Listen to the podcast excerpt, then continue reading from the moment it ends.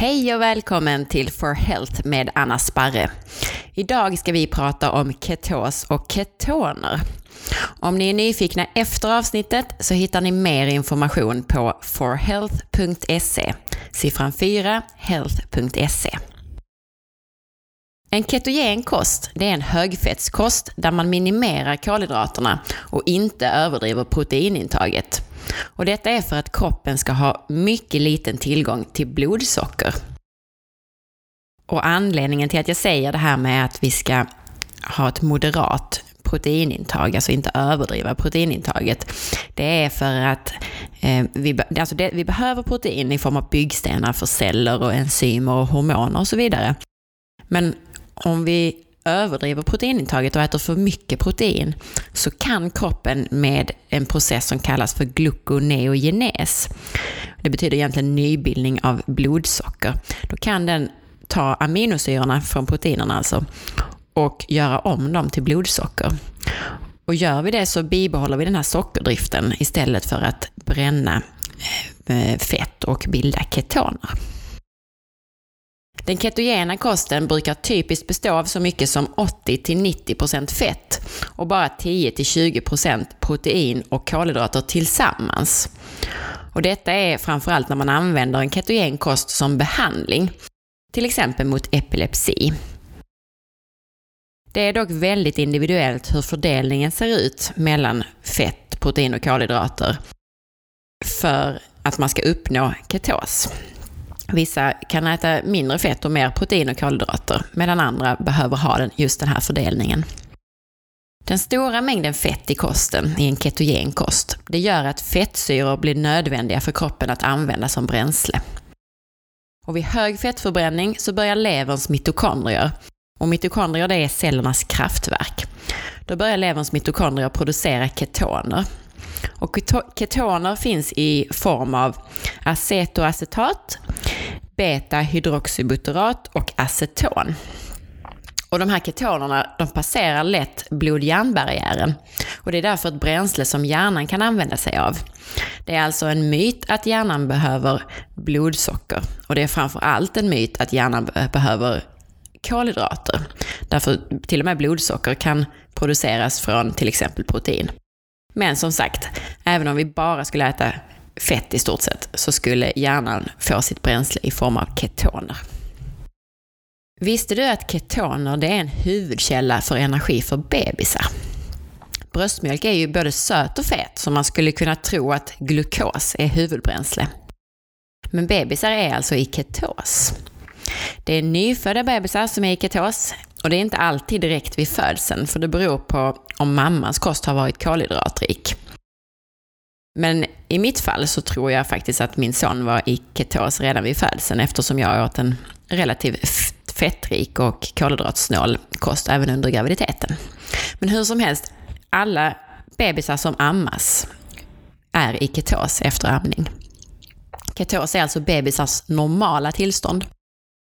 Och en anledning till att amning är hälsosammare än ersättning, det kan vara just det här att bröstmjölk ger en bättre ketos. Eftersom det sker en enorm utveckling av hjärnan hos nyfödda så är en hypotes att ketos skulle vara särskilt gynnsamt för inlärning. Och jag refererar till en, till en artikel på ämnet på forhealth.se. Och där, i den här artikeln som jag refererar till, där skrivs det bland annat att When the brain is in its period of highest growth and when the source of food is likely to be close to what it evolved to be for that period, ketones are used to fuel that growth. Det är alltså viktigt för hjärnans tillväxt, det här med ketoner. Och även om det handlar om observationsstudier, framförallt när man pratar om det här med bebisar och ketos, så korrelerar amning med högre intelligens och skydd mot sjukdomar. Och författaren till den här artikeln som jag nyss refererade till, de tror att man fokuserat för mycket på mikronutrienter i bröstmjölken, alltså vitaminer och mineraler, när man har studerat varför bröstmjölken skulle vara så nyttig. Och istället för att då se till att anledningen att, att bröstmjölken är nyttig kanske är just det att den förser bebisar med rätt bränsle i form av ketoner. Man tror också att hjärnans utveckling hos barn kan främjas och att sjukdomar kan förhindras om man förlänger den ketogena perioden hos barnet genom att introducera mat som är fet hellre än kolhydratrik efter amningsperioden. Det var lite om en liten parentes om det här med ketoner och att bebisar redan är i ketos. Men en ketogen kost har använts kliniskt, alltså eh, inom vården, i över 80 år. Och det är huvudsakligen för behandling av epilepsi. Det finns även nyare studier nu som visar att en ketogen kost kan ge långsiktiga fördelar vid epilepsi.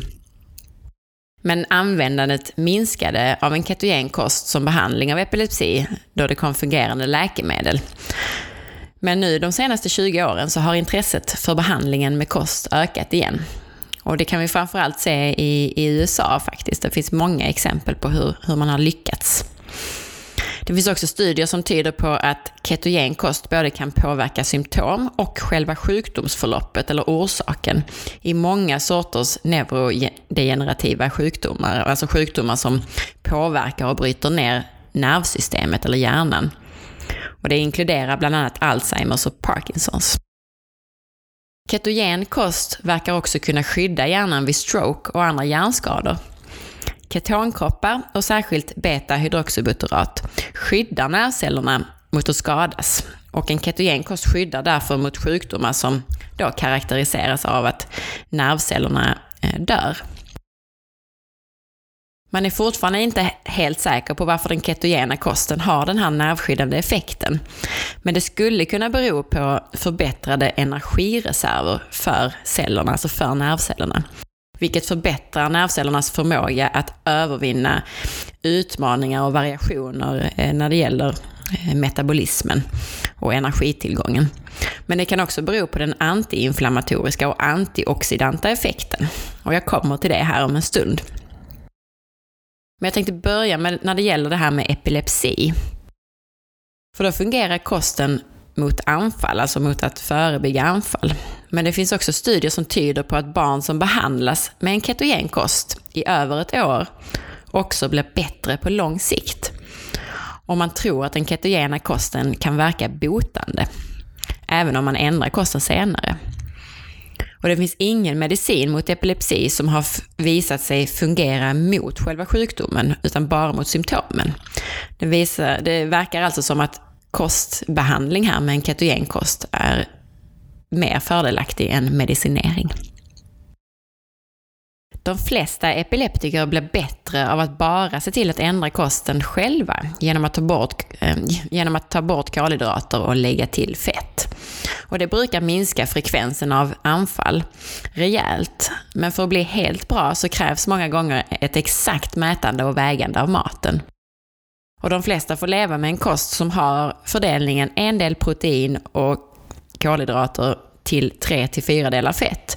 Det vill säga ungefär det som jag beskrev i början med 80% eh, fett av kosten. Och exempelvis då för ett barn så kan en måltid bestå av 5 gram protein, 4 gram kolhydrater och 30 gram fett. En frukost kan vara en äggröra med smör, grädde och knappt ett halvt ägg bara. Och sen så en bit paprika eller några blåbär till det. Och ett mellanmål kan vara feta nötter, alltså som macadamia, eh, macadamianötter eller paranötter. Och en lunch kan vara en liten bit kött med mycket smör och grädde, utspätt med vatten. Återigen en liten bit grönsak eller några bär till detta. Och aldrig ett undantag. Det händer ofta att man kan återgå till en mer vanlig kost igen efter en två till fem år på en ketogenkost. Och då kan man vara helt botad. Jag skulle dock rekommendera att man då går från den här superstrikta ketogena kosten och börjar med att införa lite mer grönsaker, men fortfarande behåller en hög fetthalt. Gällande Alzheimers och en ketogen kost så har det visat sig att ketoner de är antiinflammatoriska till sin natur, medan ett högt blodsocker och blodinsulin det är inflammationsframkallande. Och inflammation är eh, verkligen roten till allt ont kan man säga. Eh, det har visat sig bidra till alla våra välfärdssjukdomar. Men just nu när vi pratar Alzheimer så är det en av anledningarna till en, att en kost som innehåller mer fett och mindre kolhydrater förebygger Alzheimers och liknande sjukdomar. Sjukdomar som verkar ha en stark koppling till inflammation. Alla demenssjukdomar utmärks framför allt genom att den så kallade kognitiva förmågan blir sämre. Och den kognitiva förmågan är det som innefattar kunskap, uppfattningsförmåga och inlärning. Och i studier på en ketogen kost så har man sett att förbättringar eh, att man får förbättringar då i den här kognitiva förmågan, till exempel förbättrad inlärning.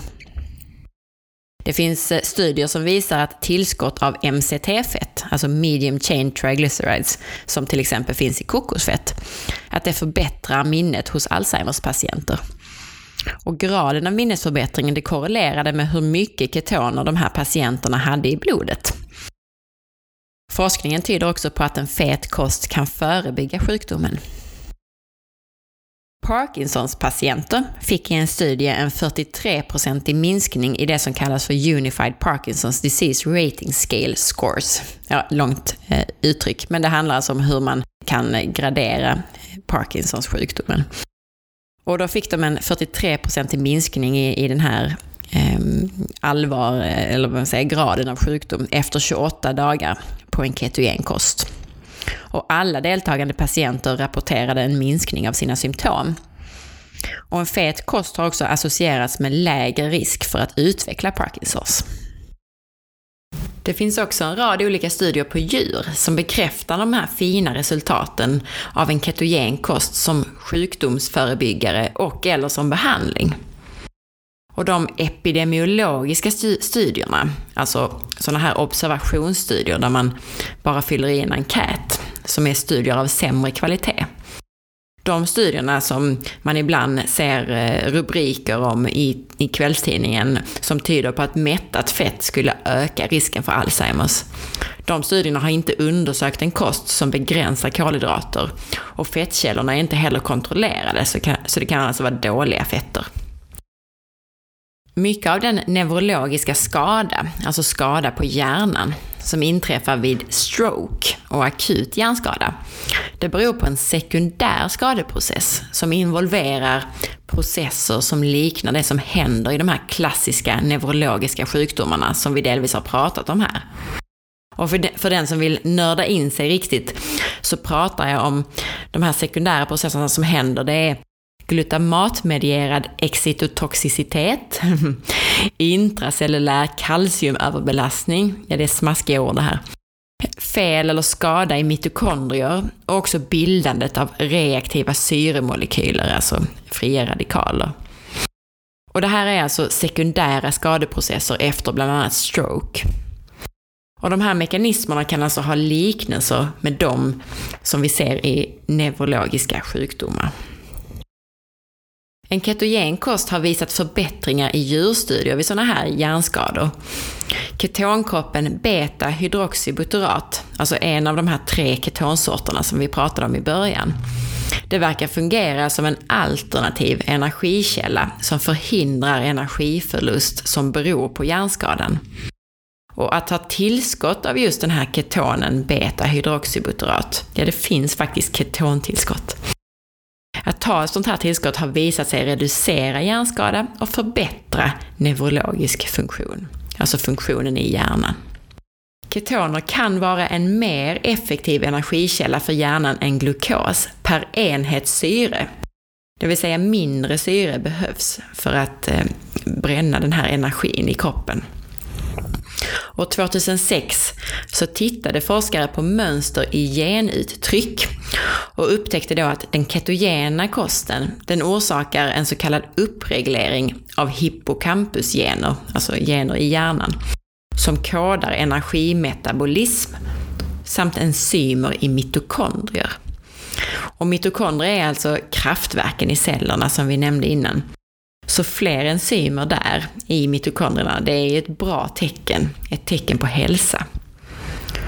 Och på råttor som har fått ketogen kost så har man sett en mycket tydlig förbättring av mitokondrierna, av de här kraftverken i hjärnan. Det verkar alltså väldigt positivt för hjärnan. Och det verkar, den ketogena kosten verkar också alltså stimulera bildningen av mitokondrier och öka energireserverna eh, i cellerna. Så en ketogen kost är helt, är helt enkelt jättebra för att förse cellerna med energi. Och det är ett tecken på att vi människor fungerar bra på ketoner och att vi antagligen anpassats under evolutionen till att ha tillgång till ketoner i våra kroppar. Summerat tror man i alla fall att de två faktorer som gör att den ketogena kosten har en så positiv och skyddande effekt på hjärnan, det är att ketoner skapar fler mitokondrier, alltså de här energiverken eller kraftverken i cellerna, och att ketoner är ett mer energieffektivt bränsle. Och det här gör att neuroner, alltså nervceller i hjärnan, de blir mer motståndskraftiga mot ändringar och utmaningar i ämnesomsättningen och energitillgängligheten som normalt då skulle kunna leda till skada på cellerna. Men dessutom så hade vi ju det som jag nämnde i början, den antioxidativa och den antiinflammatoriska effekten av ketoner. Ketonkroppar har till exempel visat sig minska produktionen av fria radikaler genom att minska ett ämne som jag knappt kan uttala, men det kallas koenzym Q-semiquinon. Hur som helst, ketoner ökar dessutom glutationaktiviteten i hjärnan. Och glutation, det är en kraftig, eller glutathion heter det på engelska, så jag vet faktiskt inte hur man uttalar det på svenska. Men det är en kraftig antioxidant, alltså ett positivt ämne i kroppen. Och ketoner ökar aktiviteten av det här positiva ämnet. Och när det gäller den antiinflammatoriska effekten, inflammation som jag nämnde innan är ju roten till allt ont höll jag på att säga, men den antiinflammatoriska effekten av ketoner så är ett exempel att fettsyror aktiverar en receptor. Ja, vi behöver faktiskt inte ens nämna vad den kallas för det är ett jättelångt och krångligt ord igen. Men det har en antiinflammatorisk effekt genom att det hindrar, den här receptorn hindrar två skadliga ämnen som kallas för Nuclear Factor Kappa Beta och Activation Protein 1. Och jag vet att det här är mycket konstiga namn, men jag nämner dem ändå, för det finns alltid någon som är lika nördig som jag bland er lyssnare. Jag skrev också ett inlägg på forhealth.se om varför ketoner är antiinflammatoriska på samma sätt som en god magflora. Och jag ska förklara det här som en liten parentes. Det är så att smörsyrans salter och estrar, det kallas för butyrater. Och det här är korta fettsyror. Men butyrater i det här sammanhanget, nu när jag ska prata om magflora och ketoner, det är intressant eftersom de bildas i den jäsningsprocess som sker när goda bakterier i tjocktarmen de äter så att säga fibrerna, alltså som vi tillför med kosten. Och notera då att det finns mycket fler fördelaktiga kortkedjade fettsyror, förutom smörsyrans salter, som bildas i tarmen av våra goda bakterier. Men just smörsyra eller butyrat är mest omtalat. Och när de här butyraterna bildas av bakterierna i magen så ger det bland annat ett fördelaktigt pH. Och butyratet har också en antiinflammatorisk effekt. Men framförallt så är de här kortkedjade fettsyror som bildas i tarmen ett slags budbärare mellan de här bakterierna i tjocktarmen och resten av kroppen. Alltså på samma sätt som hormoner och signalsubstanser kan, kan vara budbärare i kroppen så kan också de fettsyror som bildas av magfloran vara budbärare i kroppen. Och de fäster faktiskt in till receptorer och kommunicerar på så sätt sitt budskap på samma sätt som hormoner till exempel. Och då har jag summerat lite grann hur det fungerar, det här med, med när det bildas av magbakterierna, det här butyratet. Och butyratet är antiinflammatoriskt bland annat genom att det binder till ett antal receptorer. Och det som händer är att butyrat via en av de här receptorerna dämpar aktiviteten av ett skadligt ämne. Eller, eller det, är så, det här ämnet kallas för NF-kappa-B. Och NF-kappa-B det är egentligen en viktig del i immunförsvaret. Men den har visat sig vara kroniskt aktiv i inflammatoriska sjukdomar, såsom tarmsjukdomar, men också eh, i cancer och autoimmuna sjukdomar. Så för, att, för den som vill nörda in sig så nämner jag namnen igen. De här receptorerna som butyrat eh, kan binda till, de heter GPR41, GPR43 och GPR109A. Och det som händer då är att butyrat via just den här receptorn GPR109A dämpar aktiviteten av den här delen av immunförsvaret, NF-kappa-B, som är aktiv i många sjukdomar. Men nu till huvudpoängen. Ketoner kan agera precis som butyrat, precis som det butyrat som bildas av vår goda magflora. Åtminstone i vissa bemärkelser. Just den här receptorn, GPR109A, det är faktiskt en ketonreceptor.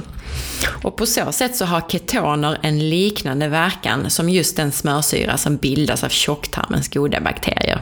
Alltså ketonerna fäster in på samma sätt som den smörsyra som bildas av goda bakterier i tarmen.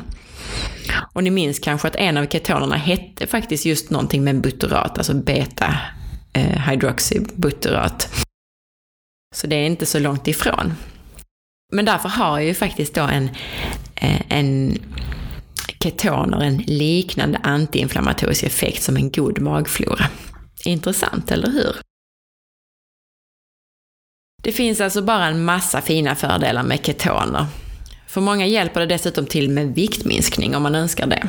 Men det behöver inte innebära viktminskning att vara i ketos. Det handlar inte om, om det egentligen, utan det handlar om att förbättra hälsan och förebygga sjukdomar. Och det handlar definitivt inte om att äta för lite, utan se till att energikällan är fett i huvudsak. Visste ni också att det produktutvecklas ketontillskott i form av ketonestrar och salter? Och tanken bakom det här är att man ska kunna äta en liberal low-carb-diet. Eh, och ändå producera tillräckligt med skyddande ketoner vid besvär och sjukdomar som epilepsi. Men även militären i USA vill kunna dra nytta av ketonernas effekt. Mental styrka är en effekt som man kan få av att vara i ketos. Särskilt i jämförelse med om man nu är i sockerdrift och får blodsockerdippar. Då är man ju inte särskilt eh, på topp när det gäller den mentala styrkan. Men på så sätt, genom att se till att, att militären har gott om ketoner, så vill man kunna utnyttja detta då, bland annat för Navy Seals, så att de är på topp i alla lägen.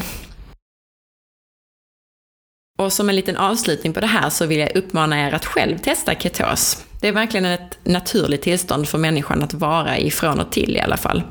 Och det är verkligen ett sätt att ta effekten av din lågkolhydratkost till en helt ny nivå. Jag skulle säga att det finns många som äter low carb och som tror att de tillverkar en betydande mängd ketoner, men som faktiskt inte gör det. Och det vanligaste felet är att man äter alldeles för lite fett. Eller egentligen att man äter för mycket protein. Du hörde vad jag sa där i början, att det kan handla om runt 80% fett i kosten. Och nu vet jag att exemplet på en ketogen kost för barn med epilepsi innehöll mycket mejerier. Men mejerier kan faktiskt också sätta käppar i hjulet. Och ytterligare ett hinder för, för, för att då komma i ketos, det är stress. Eftersom kortisol av stress, det ger en blodsockerhöjning. Och då kan man ju, då kan använda kroppen blodsockret före eh, fettförbränningen. Så att kokosfett, smör och avokado i stora mängder tillsammans med god sömn skulle jag säga är nyckeln. Så lycka till! Och för dig som vill lära dig mer, ehm, jag har fortfarande inte läst klart den, men jag har börjat och den verkar väldigt bra. Det, det finns nämligen en bok som heter Keto Clarity, eh, som är skriven av den amerikanska podcastaren och bloggaren Jimmy Moore. Och den verkar jättebra, verkligen. Så att vill du lära dig mer om ketos så kan jag rekommendera att eh, titta på den. Keto Clarity heter den. Det här var allt för idag. Tack så mycket för att du lyssnade. Gå gärna in på iTunes och tyck till om den här podcastkanalen. Och det gör du genom att klicka på ikonen, alltså på bilden på mig. Och sen väljer du betyg och recensioner. Där klickar du på stjärnorna. Klickar du längst till höger så markerar du alla fem stjärnor, det vill säga om du tyckte att det var bra. Och klickar du längst till vänster så blir det bara en stjärna, om du tyckte att det var sämre. Du kan på samma sida trycka på knappen Skriv recension och skriva en mening om vad du tycker. Om du vill dela med dig av avsnittet till en vän så klickar du på pilen bredvid knappen Prenumerera och väljer antingen att kopiera länken och klistra in i ett mejl till vännen eller att dela på Facebook. Glöm inte heller att titta in på forhealth.se för att ställa frågor som vi kan ta upp i kommande avsnitt. Frågorna ställer du i kommentarerna till blogginläggen. Och önska gärna också vem du vill att jag intervjuar och vad du vill att jag pratar med den här personen om. På återhörande och ha en riktigt härlig dag!